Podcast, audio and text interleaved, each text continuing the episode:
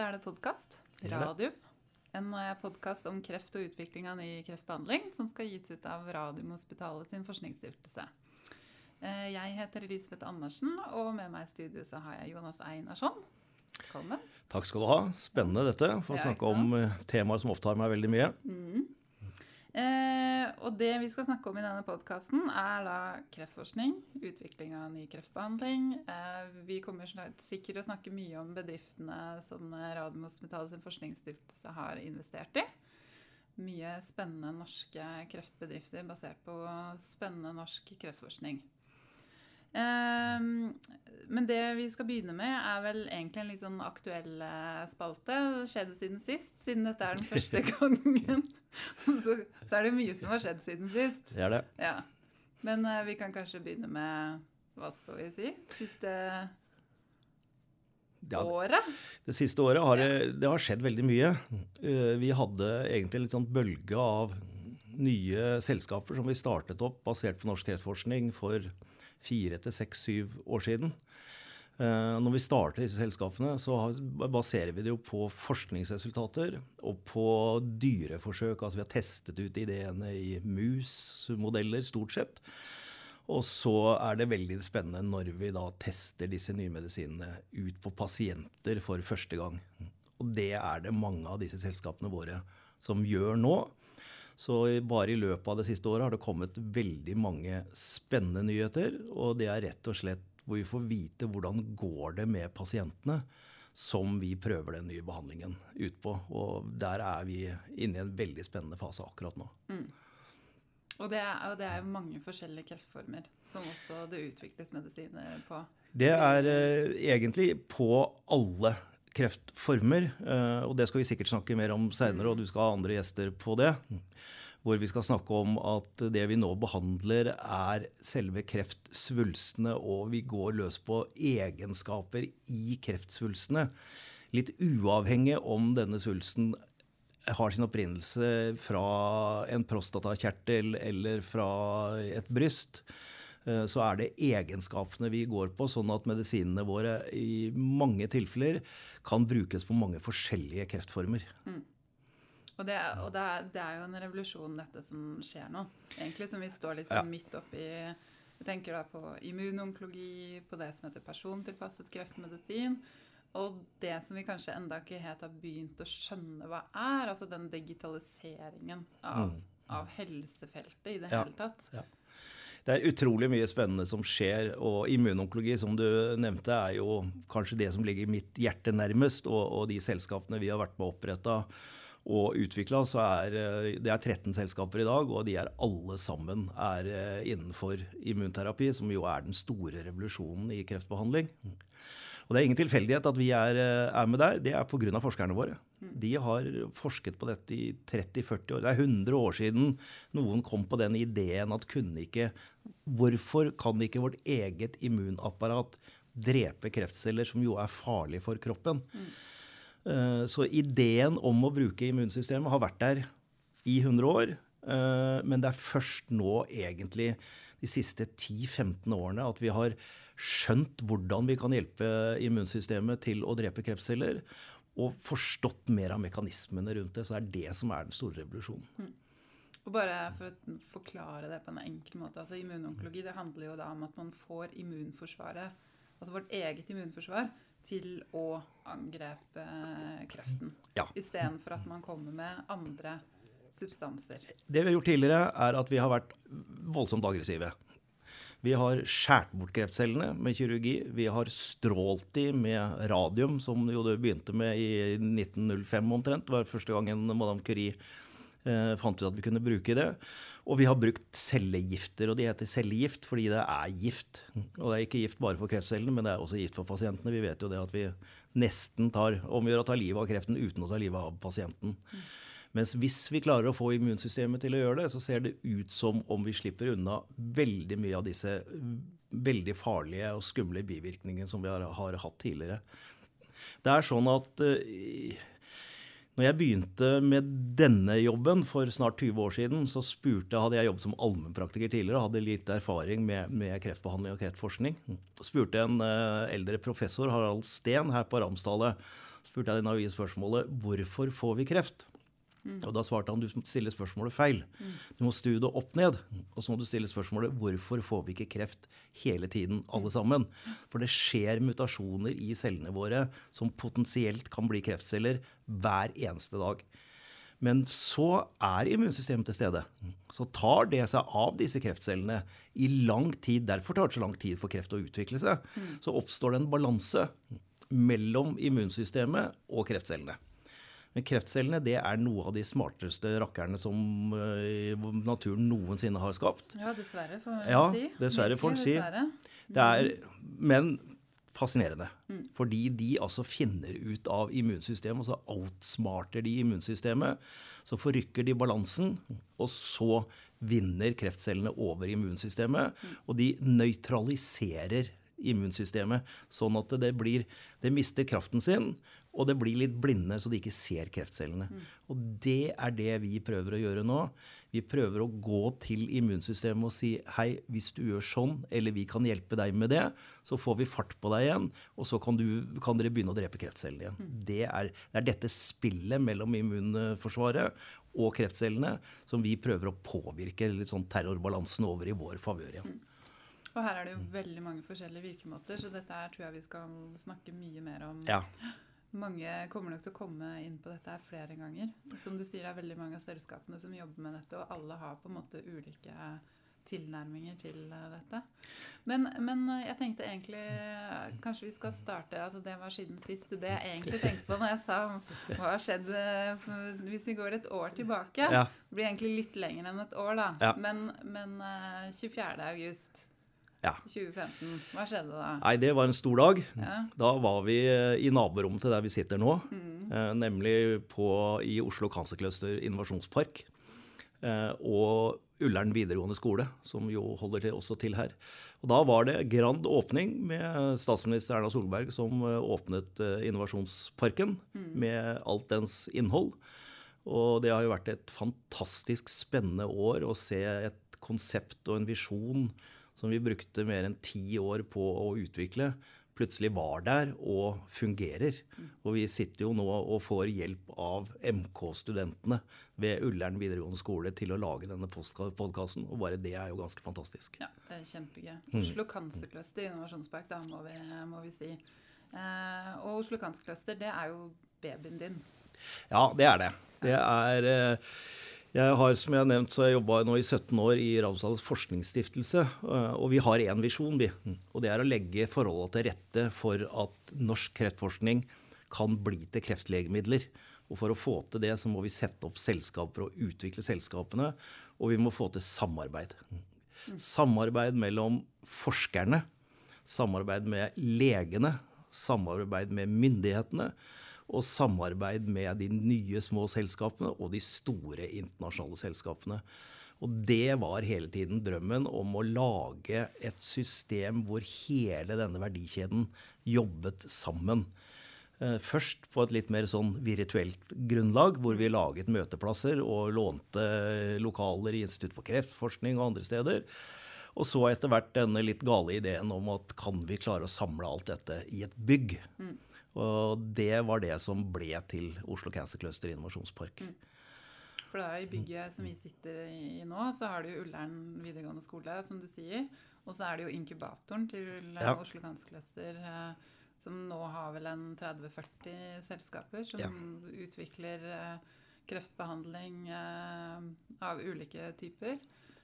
Og så har vi Kreftregisteret, som tidligere var her oppe, men som ja. måtte flytte bort da de ble for store, men som nå på en måte har kommet hjem igjen. Ja.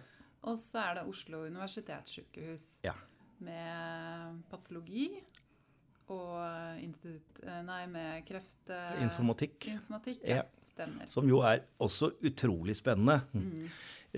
Ta patologi, eh, som tidligere var sånn at eh, Og helt fram til i dag at det sitter en lege, en patolog, og kikker i et mikroskop eh, og ser, ser dette ut som en kreftcelle eller ikke. Eh, nå er vi i ferd med å digitalisere patologien. Vil si at vi lager, vi lager software, vi lager programmer som skal lære å tolke disse bildene av cellene på en mye bedre måte enn en menneskehjerne klarer, faktisk, fordi de kan sitte på så mye informasjon. Her kommer også IBM Watson inn, som jo også har flytter i disse dager inn i innovasjonsparken vår. Hvor vi kobler big data og alle, altså IBM og Google og Microsoft jobber sammen med oss om å utvikle nye måter å gjøre dette på. Så det er en rasende utvikling mm. på veldig mange områder. Ja, ja, Hvor er vi om fem-ti-ti år? Jeg vet ikke. Nei? Nei det er vanskelig det, å forestille seg. Så. Jeg vet ikke hvor dette går hen, og hvor mye nytte vi får av det, og hvor langt vi kommer i det som jeg mener skal være visjonen vår, å gjøre kreft fra en dødelig sykdom til en kronisk sykdom mm. som vi kan leve med og leve godt. Jeg, jeg tror at det er, er, mulig, men om det tar fem år, ti år eller 20 år, det vet jeg ikke. Nei. Men for å kurere kreft, det, det snakker man ikke om? Nei, altså det er, det, er, et godt spørsmål. Vi har jo disse nye immunterapiene som har kommet nå. Som sikkert veldig mange har hørt om, for det er de kjempedyre medisinene som det er så mye, mye prat om. Det vi ser med disse behandlingene, er at det er enkelte pasienter til å begynne med bare ca. 20% når vi fikk de første medisinene mot føflekkreft. Nå, De aller beste nå med kombinasjonen av flere behandlinger, opp mot 40 40-50 eh, som tidligere var ingen. Dette, dette, er sykdommer som man garantert døde av innen fem år eh, tidligere. Nå ser vi det vi kaller for en sånn immunhale på disse kurvene våre. Dvs. Si at vi ser at det er pasienter som kanskje har noen få kreftsvulster igjen, men de bare ligger der og blir holdt under kontroll. Og så er det gått nå i disse studiene åtte-ti år, hvorav pasienter lever enda. Eh, det er fortsatt ingen klinikere, leger, som vil si at pasienten er kurert. Men det nærmer seg at man sier at disse pasientene faktisk er kurert for den krefttypen. Det betyr ikke at de ikke kan få en annen krefttype, mm. men at immunforsvaret vårt og kroppen har klart å kurere den krefttypen. Mm. Det, det, ser sånn ut. Mm. Det er veldig fascinerende, for her trenger man jo da også se disse pasientene over en mye lengre tid. Ja. For ja. å vite, vite hvordan det kommer til å gå, og ikke minst begynne å se utfallet av disse kombinasjonsstudiene. Ja. For det er jo det som kanskje er det mest uh, spennende. Det er kjempespennende. Uh, du kan tenke deg det som at vi har en hel verktøysboks. Uh, og hvis vi skal reparere og mekke på sykkelen, så holder det ikke bare å ha én skiftenøkkel eller en skrustrekker. Du må ha en hel verktøysboks, sånn at du får skrudd fra hverandre sykkelen. Mm. Og det er den verktøysboksen vi prøver å sette sammen nå med, som du sa, du skal sikkert komme tilbake til det, for du ser hvordan vi angriper dette fra mange innfallsvinkler for å hjelpe immunforsvaret. Noe for å fjerne bremser på immunforsvaret, noe for å trykke på gassen sånn at det jobber, jobber bedre. Angripe fra flere steder samtidig med flere typer medikamenter. Og det er denne utviklingen vi nå er, står midt inne i. Men du, den siste uka så har det jo skjedd eh, ting også. Eh, vi har i hvert fall vært og sett på to kvartalsprestasjoner, eh, Q3-presentasjoner fra ja. to av porteføljeselskapene som Radforsk har investert i. Ja. hvis du skal ta Photocure først, ja. hva slags selskap er Photocure? Photocure er det første selskapet vi danna i Ramsals forskningsstiftelse. Ble børsnotert i mai 2000, og jeg begynte her i januar 2000, så det var den første jeg jobbet med. Eh, jobber med noe som heter PDT, fotodynamisk terapi. Mm. Rett og slett enkelt forklart er at du gir et stoff til pasienten, og så bruker du lys etterpå for å aktivere det stoffet. Mm. Uh, I dag har Fotokur et produkt ute på verdensmarkedet mm. som har vært der i mange år, uh, og som nå eies av et selskap som heter Galderma. Uh, det brukes til behandling av hudkreft. Uh, og store fordelen med å bruke det er at hvis du har masse sånn uh, relativt vennligsinna hudkreft, men hudkreft i ansiktet hvor det ofte kommer fordi det er solskader mm. Så når vi bruker dette, så forsvinner eh, kreften uten å etterlate seg noen spor eller arr. Hvor vi tidligere måtte skjære det vekk, og du fikk arr i ansiktet. Det er den store fordelen med den, og du kan bruke behandlingen mange ganger. Mm. Så har de et annet produkt som de har kontroll på selv, eh, som de har lansert i hele Europa. Den lanseres, eller er i, i, i lansering i USA. Mm. Eh, og åpner nå Australia og Canada og sprer seg om over hele verden. Eh, det er en, ikke en behandling, men en bedre diagnose. Og det vi bruker det til, er at vi setter dette stoffet inn i blæren hos pasienter som har blærekreft. Mm. Og når vi lyser på kreftcellene med et blått lys, så mm. lyser kreftcellene rødt opp. Tidligere så var det bare hvitt og flatt lys. Det betyr rett og slett at kirurgen som skal fjerne disse kreftcellene, han ser de. Mm. Han ser at det er en stor fordel, og det viser seg at de får mindre tilbakefall mm. av kreft, eh, av blærekreften sin, som jo alltid kommer igjen og igjen og igjen. Men dette hjelper dem veldig til å, å gjøre det. Og det er jo ikke så rart at den kommer igjen hvis ikke du får tatt den bort. Nei. Det er det som er hele poenget, at når du først altså skal behandle kreft, så må ja. du ta alle kreftcellene. Hvis ikke så bare vokser, de, igjen, vokser de, opp igjen og kommer tilbake. Ja. Så dette er et uh, produkt som, som uh, Fotokur nå selger over hele verden for uh, tror jeg 180 millioner siste året. Mm. er et spennende selskap med to spennende produkter til i det vi kaller for pipeline, altså som mm. de holder på å utvikle. Eh, Sevira, som er en behandling av livmorhalskreft. Veldig gode resultater fra det vi kaller fase 2-studie, altså en studie som sier at ja, dette ser faktisk ut til å virke. Mm. Og de skal nå gå i gang med en fase 3 som vil gi det endelige resultatet på om dette blir et produkt som kan brukes. Eh, veldig nødvendig å få en bedre behandling på tidligstadiet livmorhalskreft enn det vi har i dag. Mm. I dag skjærer vi bort en del av livmorhalsen. Mm. Dette er veldig ofte unge jenter som skal føde seinere. Mm. Og komplikasjonen, eh, faren, er mye større hvis du har gjennomgått denne operasjonen. Så klarer vi å unngå den, så gjør vi virkelig noe nyttig her. Så det er, det er spennende. Stort medisinsk behov, mm. med andre ord. Ja. Eh, også i dag har vi vært på en prestasjon. I dag var det fra Targovaks. Ja. Og Targovax er jo også et selskap som på en måte Radforsk har fulgt eh, veldig lenge. Ja. Mm. Vi stifta det ja, ikke sant? i sin tid. Targovax er et av flere selskaper som er resultatet av forskning på det vi kaller for kreftvaksiner. Mm. Bare veldig kort forklar, En kreftvaksine er ikke en forebyggende vaksine, sånn som influensa. Mm. Influensavaksinen tar du for ikke å bli syk. Eh, kreftvaksinene bruker vi etter at du har fått kreft, men til å behandle kreften. Men virker som en vaksine, igjen får immunforsvaret til å reagere.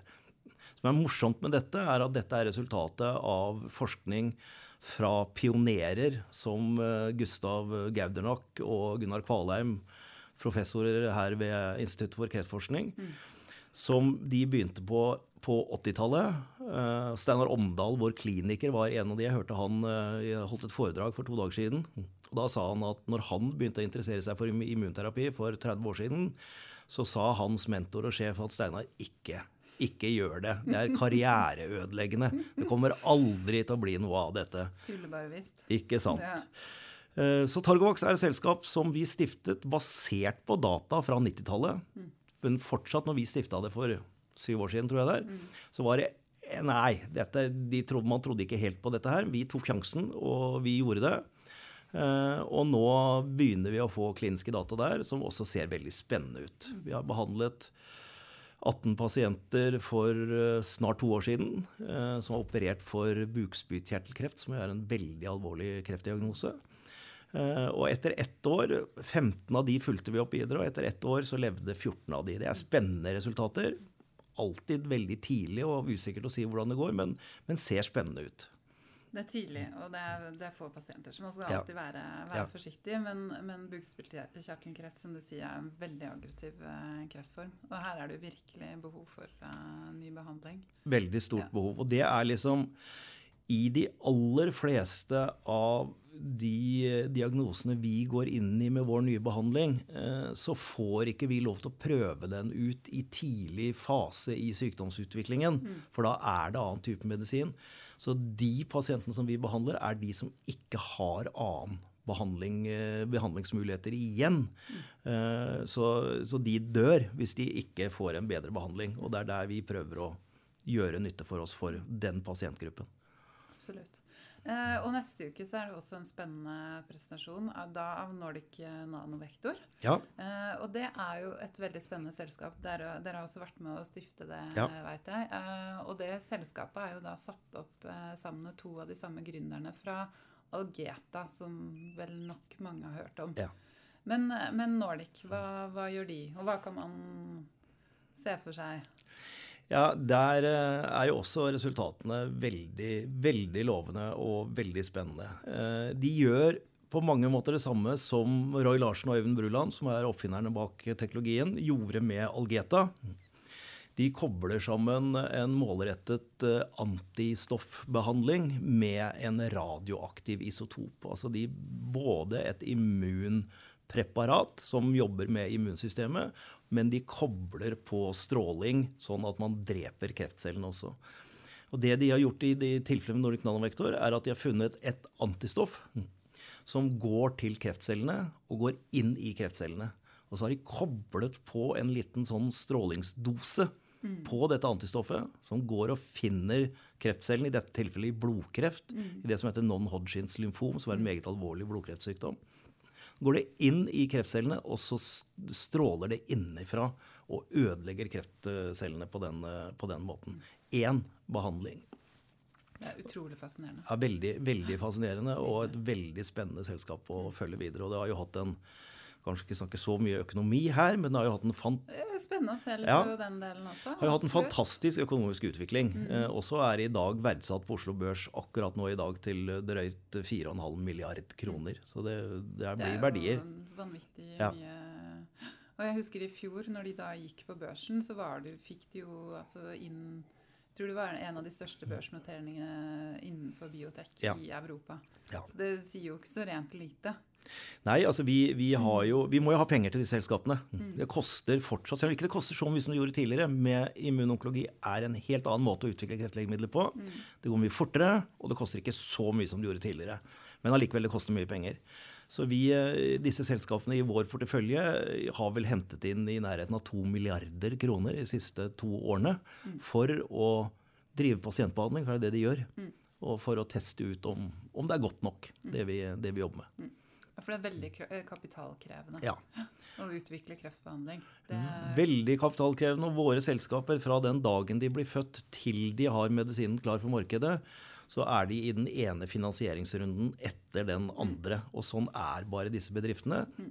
Og de bruker penger, men de bruker det til forskning og utvikling og til pasientbehandling. Eh, og jo mer penger de bruker, jo raskere går utviklingen. Mm. Sånn at de, våre selskaper bør måles på hvilke data de produserer fra pasientene, mm. og ikke etter hvor mye penger de bruker. Nei. Et lite stikk til Et lite stikk til finanspressen der, ja. ikke sant. Ja, Som ikke alltid har fått det med seg. Nei, de er, eh, jeg er litt lei av å se overskriftene i disse avisene om at eh, det, det ene selskapet etter det andre har røde tall. Mm. Ja, de har det, for de har ikke inntekter før produktet er ferdig.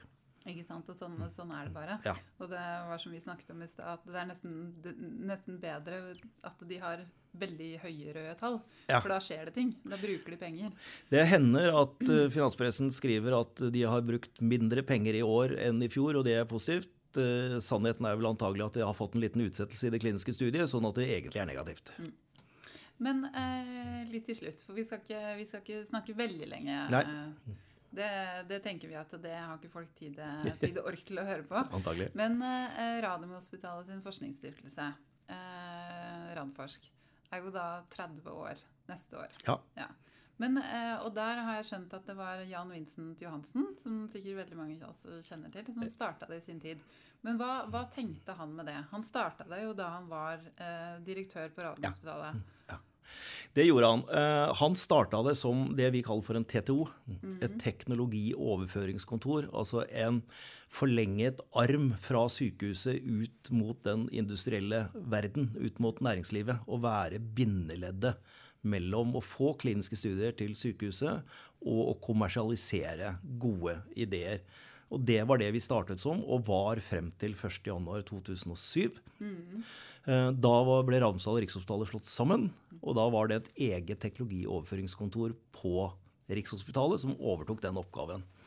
Så da bestemte vi at Ravnsdals forskningsstiftelse, som altså eh, det er greit å si, det er en stiftelse. Det betyr at vi har ingen eiere. Vi har et, eh, en visjon og et mål, og det er å lage nye kreftlegemidler. Vi lager våre egne penger. Vi har aldri fått noen penger fra noen.